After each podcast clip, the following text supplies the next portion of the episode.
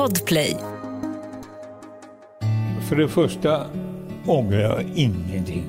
Jag är inte i ångerbranschen. För det andra så har jag inte gjort något fel. Visserligen har jag rånat en massa banker och gjort en massa skit. Men jag har betalt för det. Han säger att han gjort mer än vad han suttit inne för. Men också tvärtom. Att han har varit i fängelse för sånt han inte gjort. Han är en av Sveriges mest kända kriminella, men gillar inte det ordet. Vi ses på ett hotellrum i centrala Stockholm.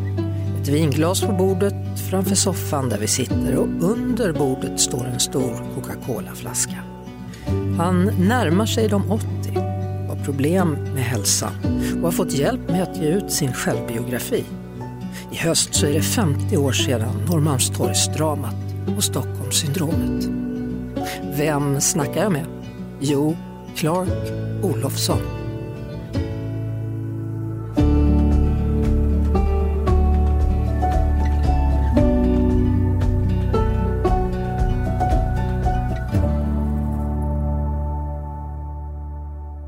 Välkommen till podden Vem snackar med Lotta? Jag måste bara börja med, med ditt namn. Du har tagit tillbaka Clark Olofsson nu igen. Varför? Jag vill inte vara någon jävla eh, anonym smitare i skogen.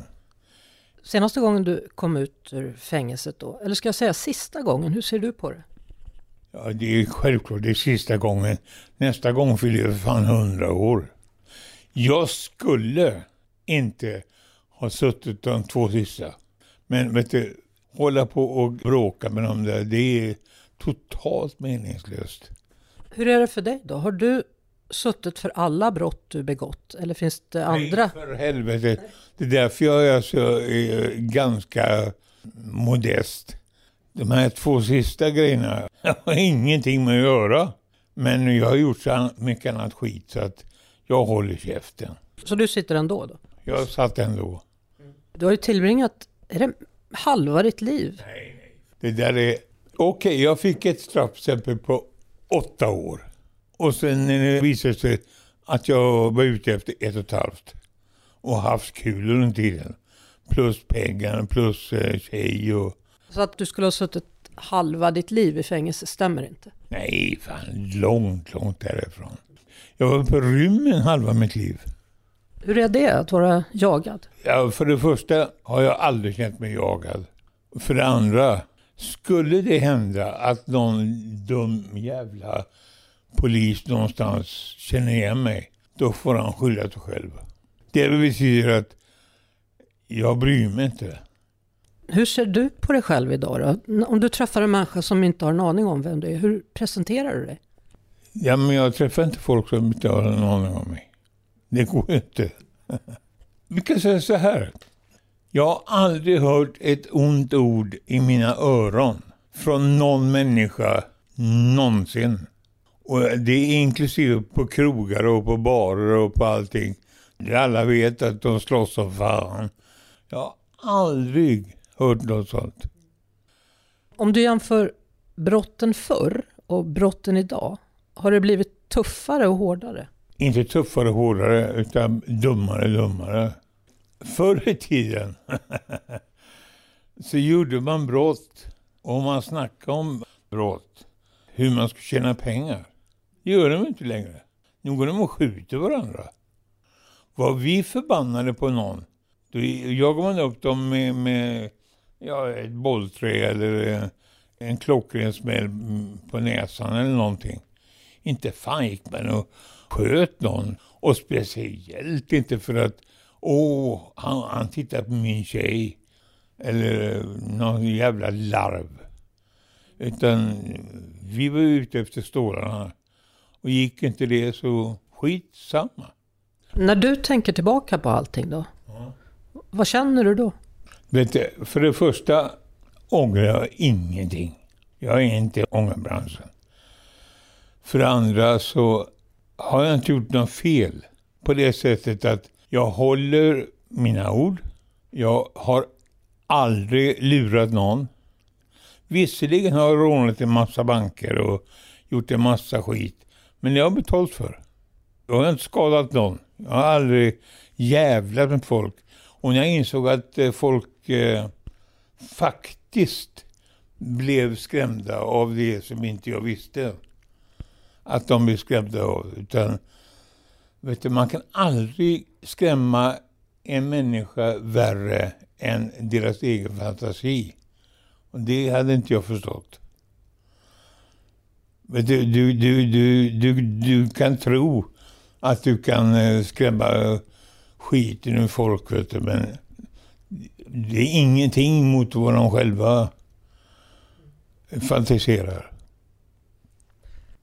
Du vet, du, ingen har hört mig säga ett ord i en bank. Jag har aldrig pekat med puffran på någon speciell människa. Jag talar inte med någon, hotar ingen, gapar inte. Vet jag rånar banker där jag rensar två kassor och det sitter folk och jobbar fem meter ifrån. De har inte ens märkt något. Mitt misstag var att jag tänkte att eh, jag tog hänsyn. Att de fattade. Men för, så får jag höra sen. Jag vet att i planen ingick ju att aldrig hota dem med en, en, någonting. Och när man hör deras berättelser i rättssalen, det var horribelt. Att jag hade sagt att de ska, jag ska eh, måla väggarna med deras blod och bla bla bla. Det var, alltså, jag var häpen. När du säger så nu, då tänker jag på det du sa i början, att eh, människors fantasier ja. kan spela in. Att man kan bli väldigt, väldigt rädd och uppleva saker på ett annat sätt. Ja, men det, det, det var det sista jag gjorde också. Jag tänkte att det, det är inte rätt. Eller rätt och rätt, men att det är inte rätt, det vet jag ju. Men det är inget kul. Det, det, det ska vara lite vilda västern över det hela. Men det ska inte vara som någon posttjej i Borås som jag tänkte att hon måste nästan ha garvat på sig efter klippet. Hon var så jävla förstörd efter det där. Med sådana hemska jävla mardrömmar. Jag tänkte, nej det där är inget roligt. Så jag la av. I Sverige i alla fall. ja, hur ofta tänker du på de människorna som faktiskt har blivit rädda och det har förändrat deras jag liv? Jag kan inte förstå det. Jag kan inte förstå det. För min mening, absolut inte. Alltså, å andra sidan, jag måste ju erkänna det. Hade någon jävel har, har bråkat, då hade jag gjort någonting. Men jag har ju inte mördat dem. Men de hade fan inte tyckt att det var roligt. Jag tittar inte ens på någon. För jag vet att det är psykologiskt alldeles rätt att göra. Och jag hotar aldrig någon. Jag pekar aldrig med någon pistol på någon speciell. Sen att de kände det, det är en helt annan sak, tänkte jag. Men det, det är ju de som har rätt. Och det var inte lika roligt heller.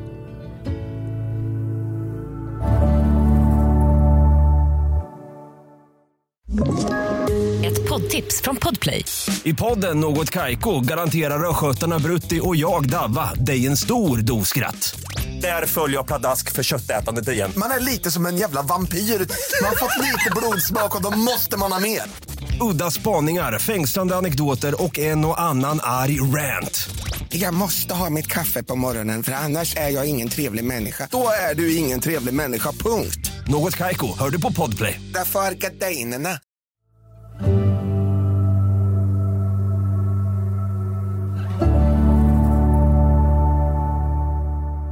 Nu är det ju ett år sedan då den här Netflix-serien kom. Tittade du någonsin på den? Jag, jag har sett den nästan hela. Mina polare har varit förbannade. För de vet att det är inte jag. Det är en Hollywood-grej. som de blir tvungna att göra. För det går inte att skriva sanningen. Alltså bara en episod skulle bli eh, som en Ingmar Bergman-film. För att man skulle kunna få fram eh, kärnan i det hela. Så han valde den vägen att ha en sörja av sanning i botten. Sen gör vi vad fan vi vill. Hade min mor och far levt hade de ju blivit plågade. För de var inte alls sådana. Min mor var ju eh, nästan inte helig. Hon skulle aldrig tänka sig att röka cigarett till exempel. Min far har, jag, jag tror inte jag talat med honom på allvar i hela mitt liv. Och han skulle aldrig ta sig före och sparka mig eller jaga mig eller göra jävlas med mig. För han vet att eh, jag är en jävla långsint typ som ingen jävlas med. Nej, men det visste jag inte då. Men han fattade det. Hur var du som barn då? Och hur var dina föräldrar? Ja, men det har förundrat mig mycket när jag tänkte efter nu. Hur jävla hal jag var. Jag var alltid yngst. Alltid yngst i klasserna. Alltid, alltid, alltid. Och det gjorde att jag hade andra sätt att klara mig från allt annat. Försökte någon jävlas med mig så gjorde jag sådana saker tillbaka som nu har jag förstått att vilket jävla svin jag var egentligen. Som barn? Som barn, ja. Hela, hela vägen. Jag har alltid varit likadan. Du, när jag var 8-9 år, då tjänade jag lika mycket pengar som min mamma och min pappa på affärer gjorde. Jag, organiserade mina skolkamrater att eh, eh, plocka bly. Jag köpte cykelramar, byggde om dem och jag gjorde hur många saker som helst. Och tjänade skitmycket stålar. Och hade aldrig en tanke på det. Förrän min farsa tog alltihopa och stack iväg. Och det var sista gången jag såg honom i, i princip. Vart stack han? Ja, inte fan vet jag var han stack. Men dina föräldrar, skilde de sig då? Han tog pengarna och stack sa du? Ja, han tog, jag var 13 år.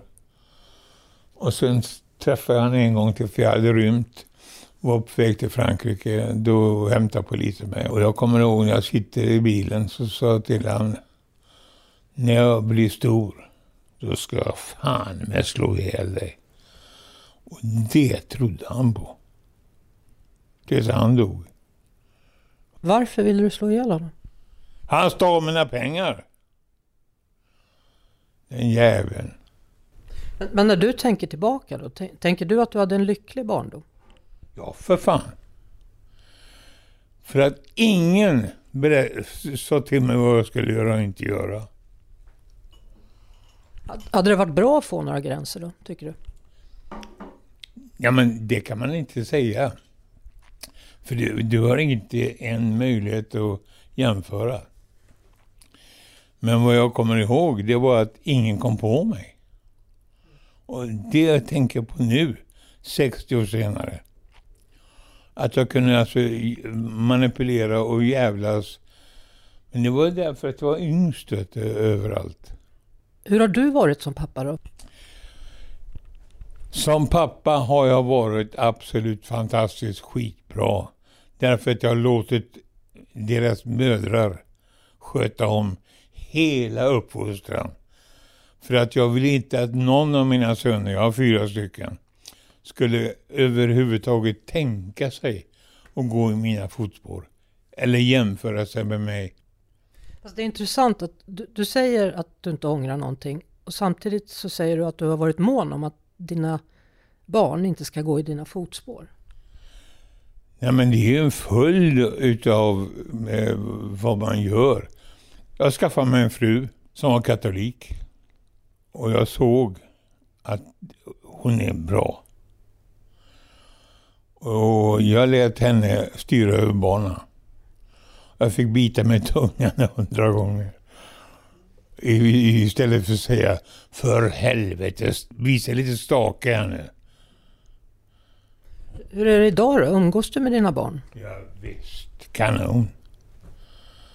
Nu är det bara trevligt. Det är ju ändå så att dels den här serien då gjord medan du fortfarande lever och så, men det, du finns ju i människors minne. Du är en så kallad, en av de mer kända, om man säger så, eh, kriminella i Sverige. Ja. Vad tänker du om det? Jag brukar skoja med dem och säga om jag inte kan vara bäst och vara bäst, ska jag fan men bli bäst på att vara sämst. Så ska man vara någonting så var number one. Hur många levande jävla svenskar får sådana serier gjorde om sig själva? F alltså, egentligen borde folk bli förbannade på mig för att jag har ju ställt till ett jävla röra i Sverige i många, många år. Hur, hur gjorde du då första gången du hamnade i fängelse? Hur gjorde du för att liksom akklimatisera dig för att vänja vid? Första jag gjorde var att rymma.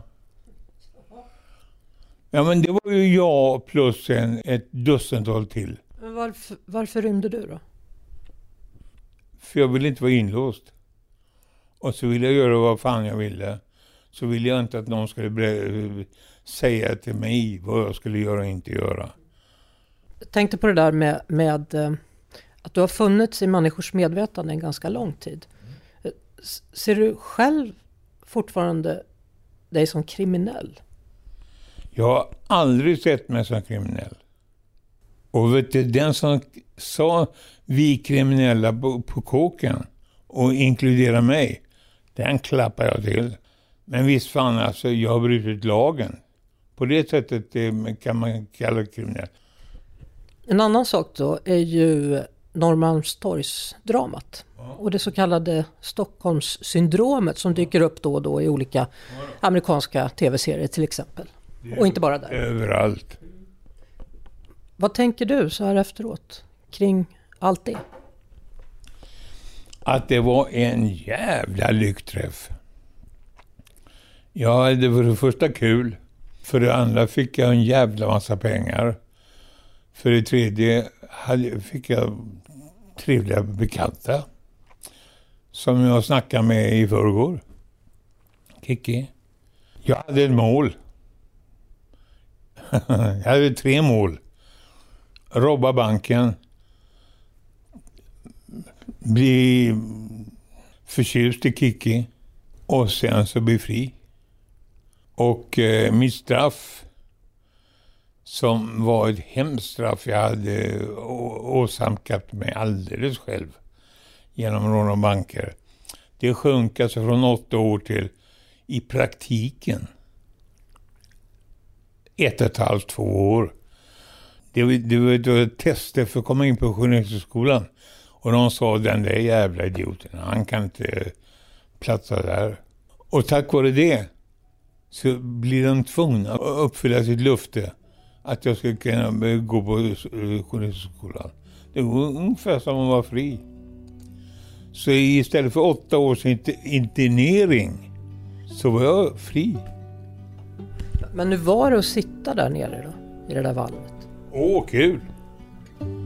Jag tyckte det var skitkul. Det var en, en tävling, vet du. Mellan mig och dem.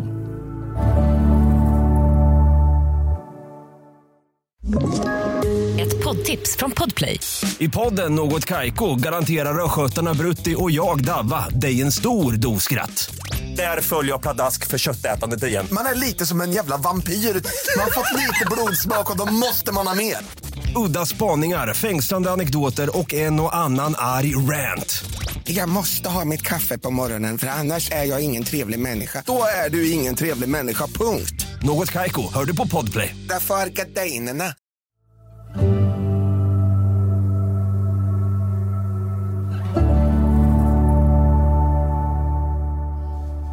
Du sa att du, du fick en massa pengar, sa du? Om man säger att man gör ett bankrån, vad gör man sen då med pengarna? Ja, men på den tiden så kunde du skicka dem för fan i en eh, papperspåse till vilken bank som helst i Belgien eller Holland eller Italien eller i Schweiz. Jag har fortfarande bankkonton kvar. I både Luxemburg och Schweiz. Men man, om man blir dömd för någonting, man betalar inte tillbaka pengarna då? Nej, fan eller så dum är man ju inte. Jag kommer ihåg när min fru trodde att vi skulle bli av med alltihopa för att jag var en galning. Då åkte jag till Luxemburg och hämtade långt över en miljon i en papperspåse. Och åkte tillbaka till henne och sa här. Gå till den där jävla banken här i Belgien och betala hela huset. Så blir vi av med det. Det gjorde hon. Jag sa inte ett ljud. Hur bor du nu för tiden då? Du bor i Arvika? Va? Nej, jag bor inte där egentligen. Utan jag ska egentligen ner till Belgien igen. Egentligen skulle jag vilja bo på min segelbåt. För nu har jag prövat allt. Jag köpte ju för fan ett slott där nere. Och eh, nu har jag gjort den. Jag vill aldrig mer ha ett hus eller lägenhet eller någonting. Jag vet inte. Jag är lite nomad. Jag är lite... Känner mig att... Segelbåt. Då är man ju fri. Då är man verkligen fri, vet du. Jag vill inte ha massa ansvar. Eller sånt ansvar. Ansvar för, för sådana saker som, som, som angår mig, det tar jag. Det löser jag. Vad, vad gör du på fritiden? För det första har jag aldrig tänkt på att jag överhuvudtaget haft fritid. Fritid. För att det alltid är samma. Alltid intressant. Vad jag har gjort det senaste året, det är att försöka bli frisk. För jag fick någon jävla konstig blodinfektion, eller blodjohan. Och det har satt sig på lungorna och, och jag kommer att bli frisk. Men det har varit skitjobbigt. Ändå så ligger ett paket med cigariller där va? Ja, det är ett helvete. Jag vet det. Så hur påverkar sjukdomen dig då? Du kämpar? Vet du, jag satt isolerad. Alltså nu snackar vi om isolering. Och det är inte, se, inte ens se en annan människa. På sex år. På sex år? Ja. I Danmark. Jag brukar använda det argumentet när de börjar snacka massa skit. Säga så här, du vet, om man kommer ut med rak rygg därifrån, sluta upp och tänk på något annat. Men det, men det är svårt att ens förstå det, hur man mår om man är avskärmad från allt annat liv i sex år. Ja. Hur överlever du en sån grej? Ja, det är det de frågar sig. Och jag har inte ens tänkt på det. Utan jag lever det. Jag slåss inte mot det. Det är livet. Men du ångrar fortfarande ingenting? Nej, men du kan inte ångra någonting som inte finns. Och jag kan inte ångra att jag är född. Jag kan inte ångra att danskarna... Jag fick ju för att jag rånat en 8-9 banker där. För 15 år sedan. För de tog mig aldrig där. Jag satt inte en dag på kåken. Och de fick inte se en, en dansk krona, vet du. Hur ofta tänker du tillbaka på sånt som var?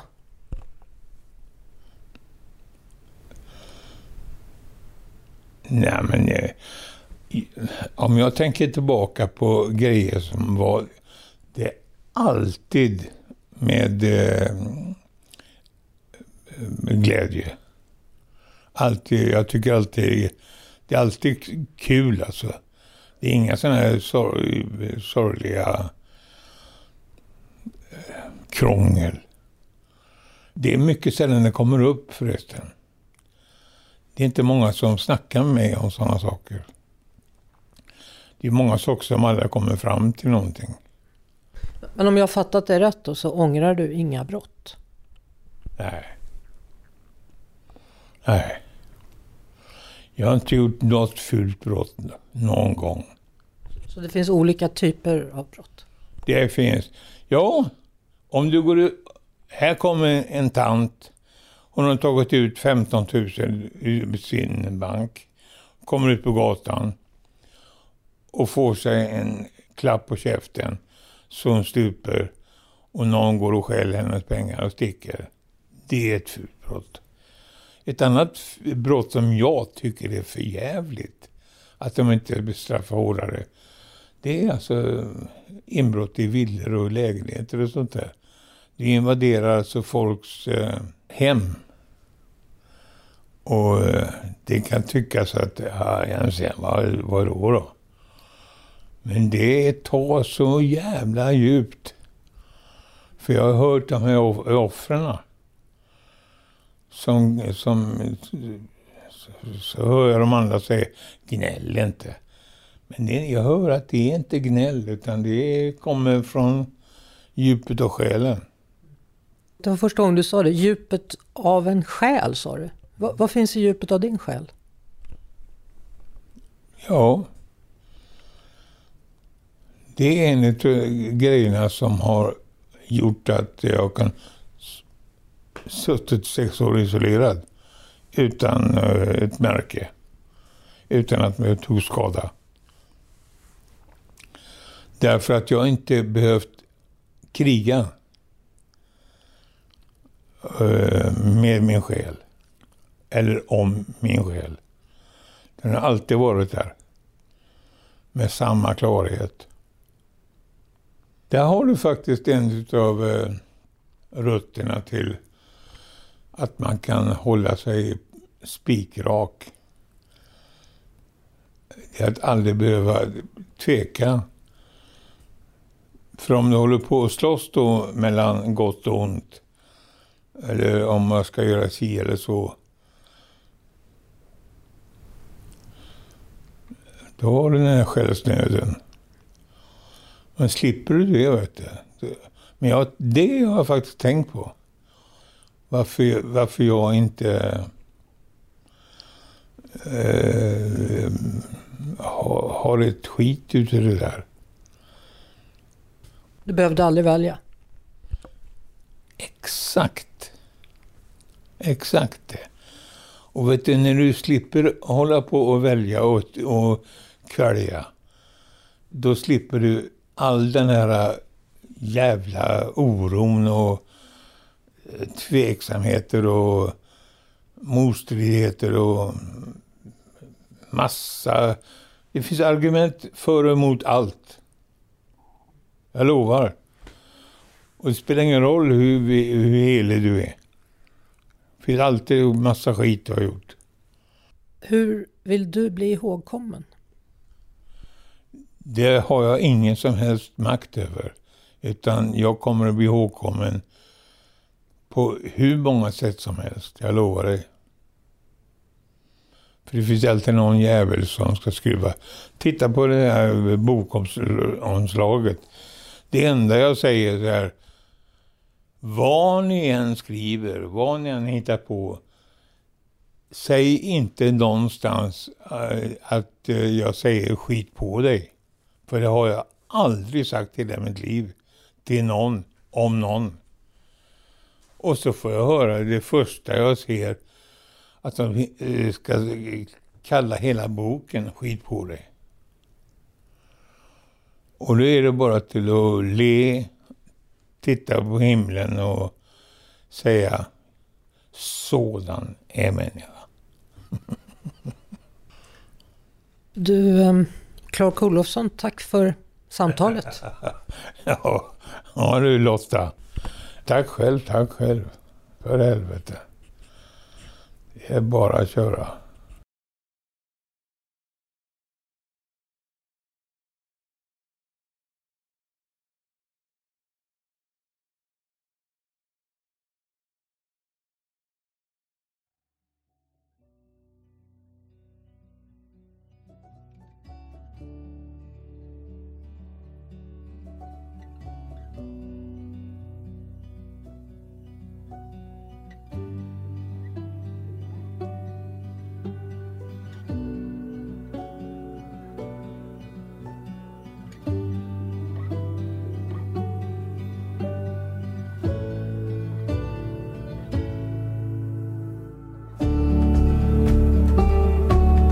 Stanna kvar hos mig efter samtalet med Clark Olofsson i det han berättar om att inte behöva kriga med sig själv och sina tankar.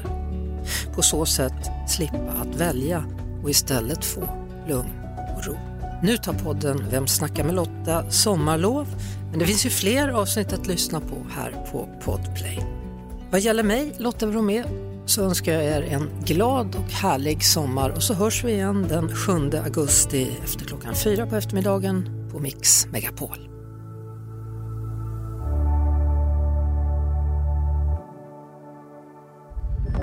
Podplay, en del av Power Media. Ett poddtips från Podplay.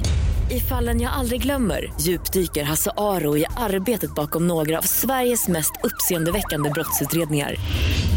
Går vi in med hemlig telefonavlyssning och, och då upplever vi att vi får en total förändring av hans beteende. Vad är det som händer nu? Vem är det som läcker? Och så säger han att jag är kriminell, jag har varit kriminell i hela mitt liv men att mörda ett barn, där går min gräns. Nya säsongen av Fallen jag aldrig glömmer på Podplay.